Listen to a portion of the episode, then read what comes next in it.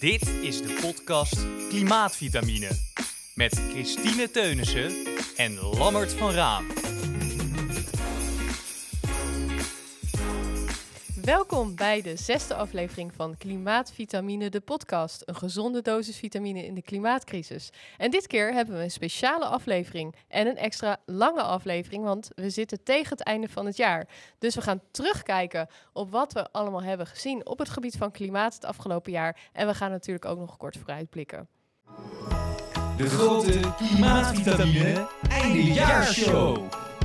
En we beginnen vandaag met onze vaste rubriek, hoogte- en dieptepunt van de week. Ja, Lammert, wat Nou, was wa- jouw hoogte- en dieptepunt? nou, die, die waren natuurlijk eh, uiteraard. Laat ik beginnen met dieptepunt. Eh, dat dieptepunt van de week vond ik echt eh, een motie die oproept om nu acuut in te grijpen bij Schiphol. Daar is sprake van zeer zorgwekkende stoffen waar echt werknemers echt heel ziek van worden.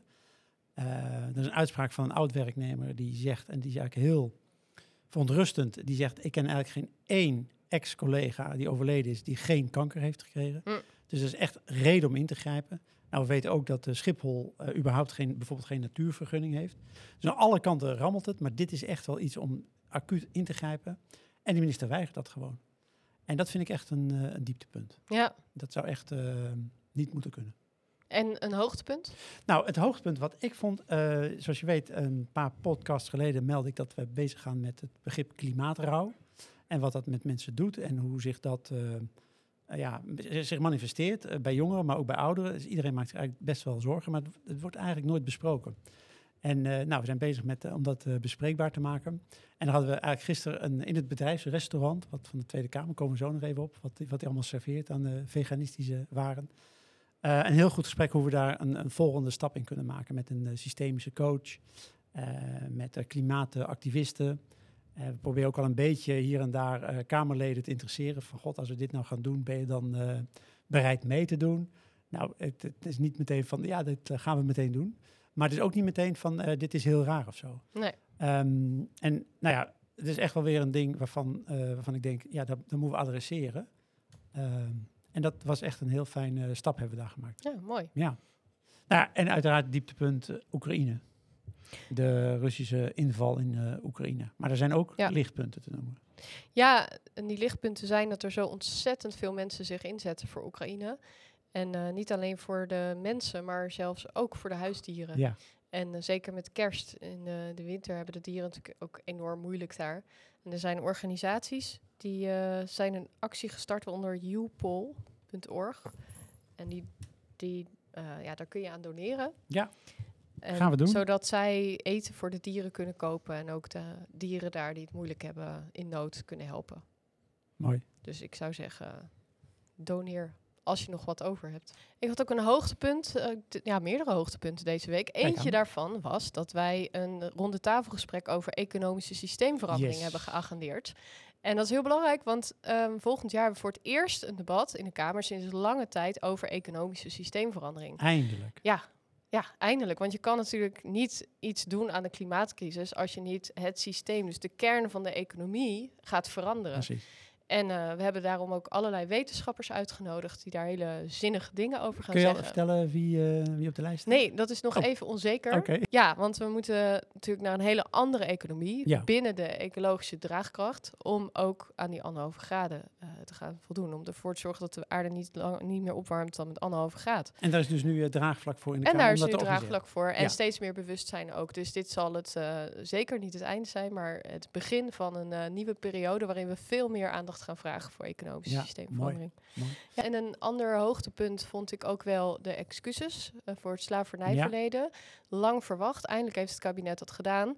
De aanloop daar naartoe was wel een beetje wrang, omdat er een rapport uitkwam van de dialooggroep. En daarin stond de aanbeveling om excuses aan te bieden. Maar eigenlijk had ik verwacht dat het kabinet daarna ook wel met de betrokkenen in gesprek zou gaan om te kijken hoe gaan we die excuses dan overbrengen. En dat is niet gebeurd. En Nee. dat is natuurlijk eigenlijk eh, ja, wel een beetje, nou je zou het bijna neocoloniaal kunnen Ja, noemen. ja, ja, wij- weten het beste hoe we excuses moeten Ja, aanbieden. wij weten het beste op welke manier. Dus eh, dat eh, verdient absoluut niet de schoonheidsprijs, maar dat er excuses zijn gekomen, dat is wel een hele eh, bijzondere en historische stap.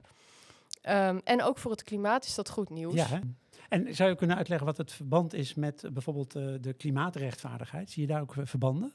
Zeker, want in het verleden zijn mensen uitgebuit, gedehumaniseerd. Dat heeft een bepaald systeem veroorzaakt. En dat systeem werkt tot op de dag van vandaag door. Er is sprake van racisme, discriminatie, maar ook een economisch systeem dat als gevolg heeft uitbuiting en uitputting. Nou, en dat zie je dus ook terug in de uitputting van de aarde. En wat we moeten doen is, uh, nou, die excuses kunnen het begin vormen van die erkenning. En vervolgens moeten we ook door naar in gesprek met elkaar gaan van hoe kunnen we nu uh, tot heling overgaan, tot herstel overgaan. Ja. En ook uh, het herstel in onze relatie tot de aarde. Ja, en tot de natuur. Je ja. zou ook kunnen zeggen, die komma, wat Rutte dan zei, het is geen punt, maar het is een komma die moeten ook gestalte krijgen in het nakomen van onze klimaatplicht.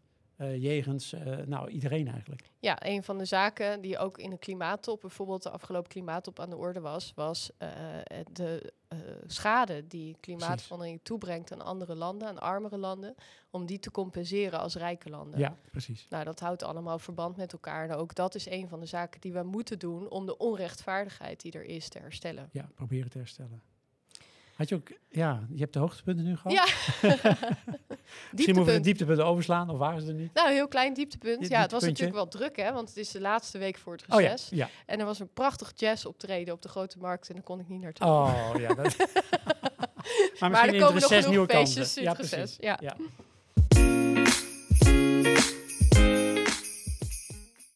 Dan zijn we gekomen bij onze terugblik op het jaar. Ja. En wat is er allemaal gebeurd op het gebied van klimaat? Ja, ik wil. Ja, de, uh, nou, natuurlijk beginnen met. Uh, er is te weinig gebeurd. Ja. Daar kunnen we, denk dat ik. kunnen we wel uh, stellen. stellen. Uh, heeft niet, overigens niet aan ons gelegen, als ik zo vrij mag zijn, denk ik. Ik, zal, ik, ik wil graag drie dingen noemen die, ja, waar we ons heel hard hebben voor ingezet. Het is uiteraard de Klimaatwet 1.5. die hebben we naar de Kamer gebracht. Gaan we volgend jaar een, een, harde strijd voeren om die er doorheen te krijgen. En dat hangt heel erg over samen met jou systeemveranderingsrondetafel. Want zoals je weet, de Raad van State heeft gezegd, um, die klimaatwet van jullie, van de Partij voor de Dieren, gaat, voert eigenlijk te ver. En is eigenlijk niet geschikt voor het huidige economische systeem. En zij hebben daar de conclusie aan verbonden. Dus is het onverantwoord om die klimaatwet in te voeren. En wij zeggen juist, nee, het is juist super verantwoord. Alleen je moet het systeem aanpassen dat het binnen de anderhalve graden blijft. Dus dat is, vind ik wel een mooie ja. uh, verbinding met, uh, met jouw uh, dossiers. Dus dat is één, klimaatwet. We zijn ook dit jaar gestart met de ecocidewetgeving. om eigenlijk een nieuw juridisch kader te maken wat er nu nog niet is. Want de natuur in zichzelf vernietigen of schade daaraan berokkenen, dat is vreemd genoeg nu niet strafbaar. Dus wij gaan een, nieuwe titel maken in het wetboek van strafrecht, wat dat strafbaar stelt. En daar zit ook nog wel een, een um, een, een, andere nieuwigheid in. We, we, gaan namelijk automatisch, wordt dan meegenomen, dat als je weet dat je schade berokkent en je doet niks, dat is nalatigheid, uh, dat dat ook strafbaar wordt. En dan gaan we natuurlijk hele interessante tijden tegemoet, want we weten nu eigenlijk dat een hele hoop systemen die in stand worden gehouden, hè, neem het landbouwsysteem, daarvan is eigenlijk wel bekend dat het ontwrichtend is. En eigenlijk als je daar dus te weinig aan doet, uh, gaan we hele interessante juridische tijden tegemoet. Dus dat is het tweede. Uh, wat ik ook mooi vind, is dat de discussie over biomassa echt wel gekanteld is, houtige biomassa. Er wordt niet meer klakloos aangenomen dat dat nou, duurzaam is. Australië heeft op dat gebied recent hele mooie stappen gemaakt. Ik denk dat we daar goede aanjager geweest zijn. En mag ook niet vergeten worden, het debat uh, over luchtvaart is eigenlijk wel definitief gekanteld in de richting van uh, krimpluchtvaart. Ja, want D66 is zelfs mee nu met krimpluchtvaart. Ja, ja D66 is echt wel een mooi voorbeeld van een club die echt meegegaan is met nou, wat wij vijf jaar geleden al zeiden. Dat is best dapper. Ja. En de ChristenUnie zit daar nu ook in. En dan heb je het met name over dat CO2-plafond wat verantwoord is voor de luchtvaart. Dat is nog 2,5 megaton in 2030 daar waar ze eerst nog vier voor de twaalf stonden. Dus een enorme ja, draai. Enorme draai. En dat is toch wel mooi. En een hele ja. verstandige draai. En een dappere draai van D66 en ChristenUnie. Verdienen echt een compliment daarvoor. Ja, dus dat zijn, uh, het zijn wel mooie dingen. Ja, zeker. Ja, nou ja, ik ben ook heel blij. Ik zie ook wel een kanteling op het gebied van handelsverdragen. Ehm, in ieder geval die er aan zit te komen. We hebben één uh, heel fossiel verdrag, het Energy Charter Treaty. Uh, dat beschermt uh, nog steeds olie- en gasbedrijven en dat is afgesloten. Dus een internationaal verdrag. Nederland heeft besloten uit dat verdrag te stappen naar aanleiding van een aangenomen motie van ons. En um, samen met voorlopers in Europa gaan ze uit dat verdrag. En dat is een enorm signaal dat we niet langer meer de olie- en gasindustrie willen beschermen, maar dat we echt uh, op een andere manier willen gaan doen. En um, er komt nog een hele spannende strijd aan uh, ten aanzien van het Mercosur-verdrag. Ja. Het verdrag met uh, Brazilië onder andere en andere Zuid-Amerikaanse landen. En daar zie je ook dat bijvoorbeeld de ontbossing heel een hele grote rol speelt. En er gaan steeds meer geluiden op tegen het verdrag. En wij als Partij voor de Dieren hebben al een hele tijd geleden een, motie aangenomen gekregen in de Kamer. Dat zegt, trek je nou terug uit het verdrag. Het kabinet wil dat nog steeds niet. Nee. Maar de druk om dat te doen neemt wel steeds meer toe. Omdat heel veel mensen zien, ja, uh, als we zo doorgaan met ontbossen, dan houden we geen Amazone meer over. En ja, ook het bewustzijn dat we op een andere manier moeten gaan produceren en consumeren neemt toe.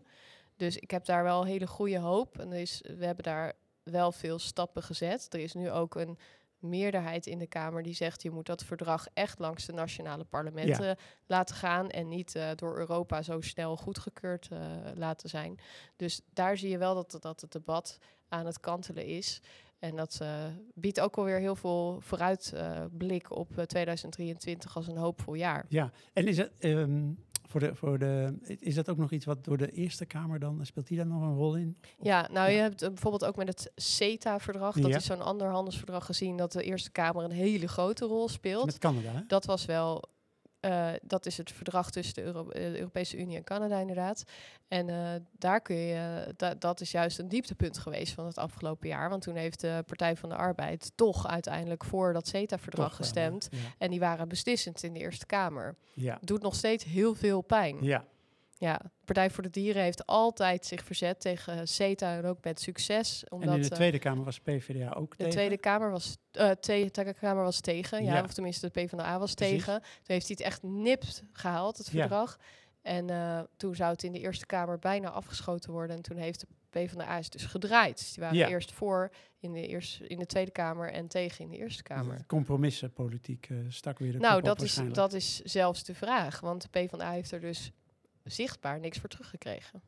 Nou. Dus het is echt een soort, uh, het lijkt een soort richtingenstrijd te zijn binnen de PvdA. En ja. uh, toch nog het, de illusie bij de PvdA-leden, uh, bij sommigen te leven, dat, dat dit verdrag voor meer, wel, meer welvaart gaat zorgen. En dat het dan vanzelf zo doorcijpelt naar de mensen die het echt nodig hebben. Terwijl de onderzoek naar onderzoek laat zien dat dat helemaal niet het geval is. Nee, nee. En dat dit soort verdragen alleen maar, ja, met name de multinationals uh, veel meer voordelen biedt en uiteindelijk uh, de ja, gewone man wel, armer maakt. Ja, dus het is eigenlijk ja. wel jammer dat, dat de PvdA dan weer een soort terugval doet, want dat betekent dat wij ons daar ook weer mee moeten bemoeien om hen te overtuigen, terwijl we liever eigenlijk uh, doorgaan met, uh, met nieuwe onderwerpen. Exact. En, en ja, ja, en nou ja. loop je eigenlijk, uh, terwijl het niet nodig zou, nee, meer zou precies. moeten zijn, moet je toch nog heel erg je best ja. doen om voor elkaar te krijgen dat dit soort verdragen er niet doorheen komt. Nou ja, hetzelfde geldt dus straks voor het Mercosur-verdrag. Het is wel een iets, Mercosur is wel echt omstreden vanwege die ontbossing. Ja. Want het wordt mogelijk door dit verdrag om meer, bijvoorbeeld meer rundvlees en kippenvlees te importeren in Europa vanuit Brazilië.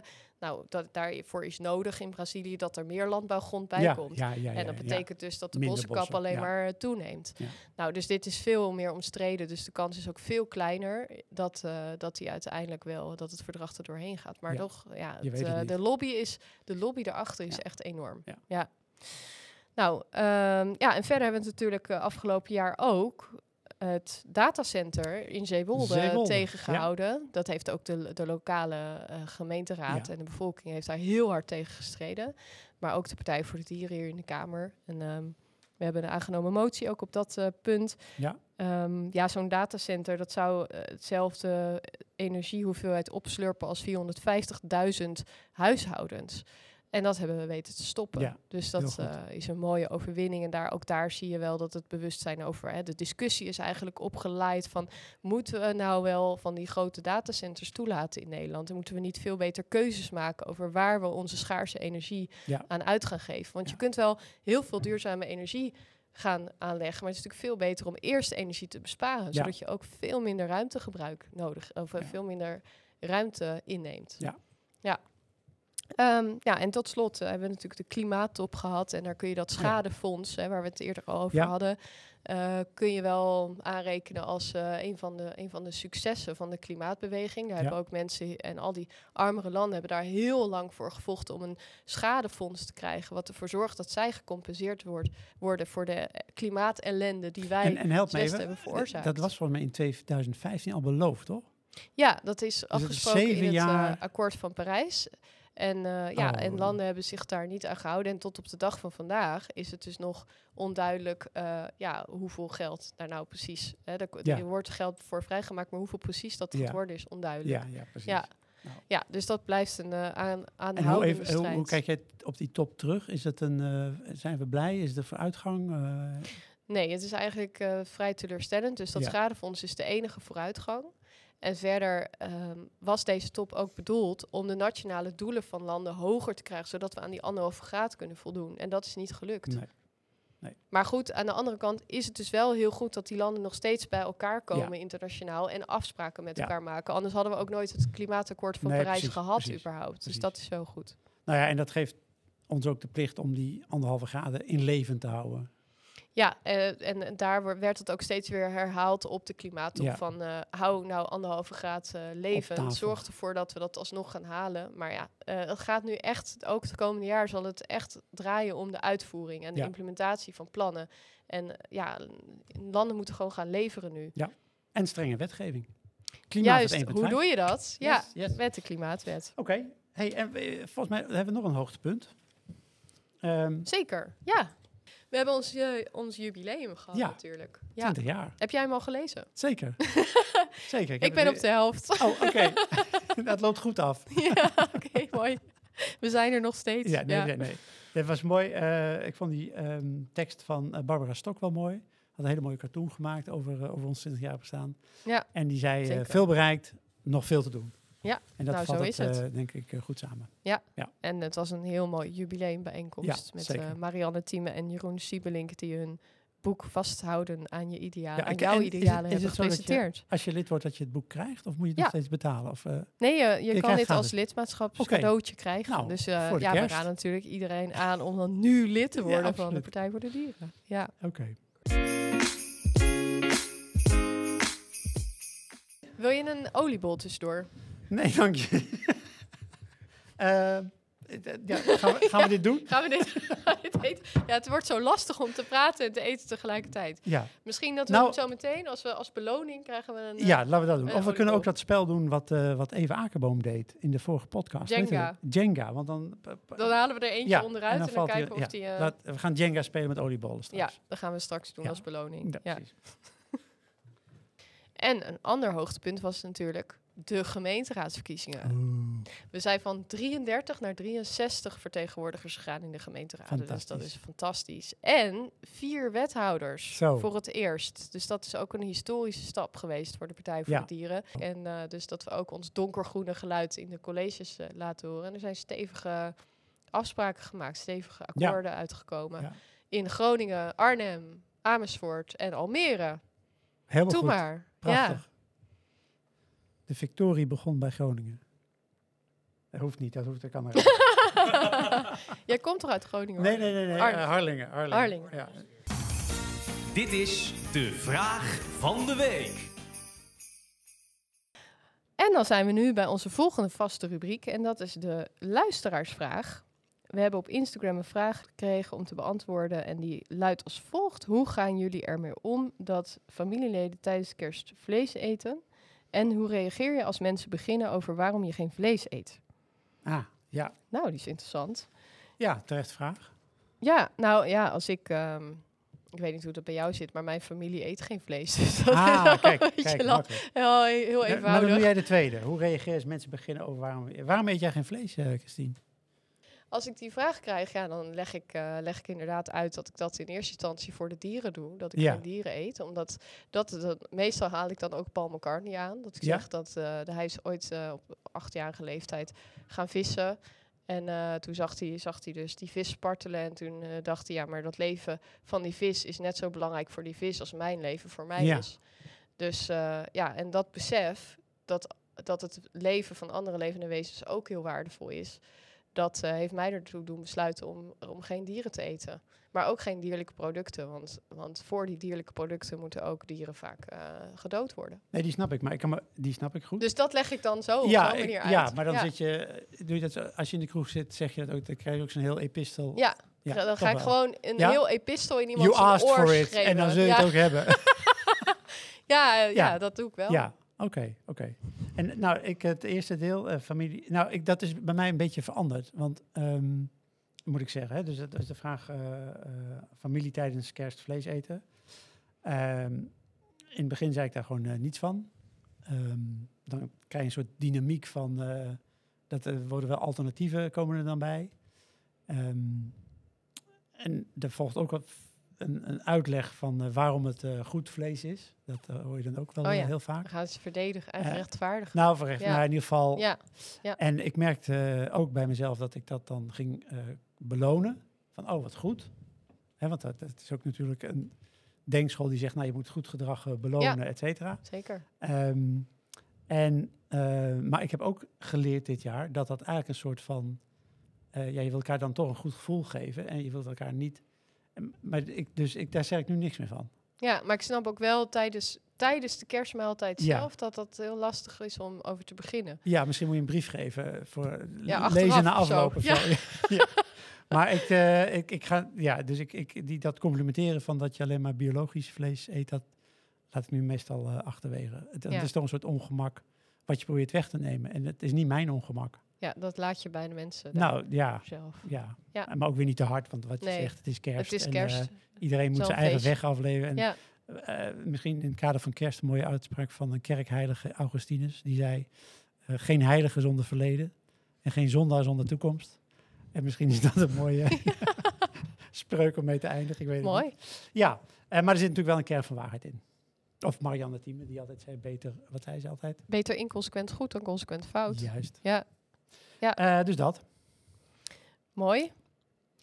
Dan eh, was dat eh, het antwoord en ik hoop dat de luisteraar hier een ja. beetje blij mee is. Ja, Ja, En anders heel hard Stille Nacht, Heilige Nacht gaan zingen, toch? ja Nee? dat ja? kan altijd. Ja, toch? Ja. nou, niet altijd, toch? We hebben ook een kerstdiner vanavond op de fractie. hè. Oh, gezellig. Ja, ja. Ja. mooi. Fijn, Ja. fijn, fijn. Mooi, kijk er al naar uit. Ehm, nou, dan rest onze vooruitblik op het komende jaar. Ja, wat gaan we doen? Nou, hartstikke mooi. Ik denk dat eh, mij rest niks anders dan iedereen een eh, goed einde te wensen. Geen vuurwerk af eh, te steken. Zo is het. Een goed einde Ja, te wensen. goed einde. Ja, blijf wel leven. Geen vuurwerk. Nee. En ehm, volgend jaar weer verder. Ja, volgend jaar weer verder. Ja, de jaarwisseling wordt natuurlijk wel weer spannend, omdat er nog steeds geen vuurwerkverbod is, terwijl de Partij voor de Dieren daar al heel lang voor pleit. Maar het komt We zijn dichterbij. Juist. En in de tussentijd is het belangrijk dat eh, ook mensen meldingen doen als ze overlast ervaren van vuurwerk. En er zijn ontzettend veel gemeentes die momenteel meldpunten hebben ingezet. Dus ik zou zeggen, maak daar gebruik van tijdens de jaarwisseling. En verder wens ik iedereen natuurlijk ook een heel fijn oud en nieuw. En tot volgend jaar. Ja, wij gaan eh, die oliebol eh, Ja, pakken. de Jenga. ja! Nou, hij stort ook meteen in. Hij dus stort meteen in. Eet smakelijk. Eet smakelijk.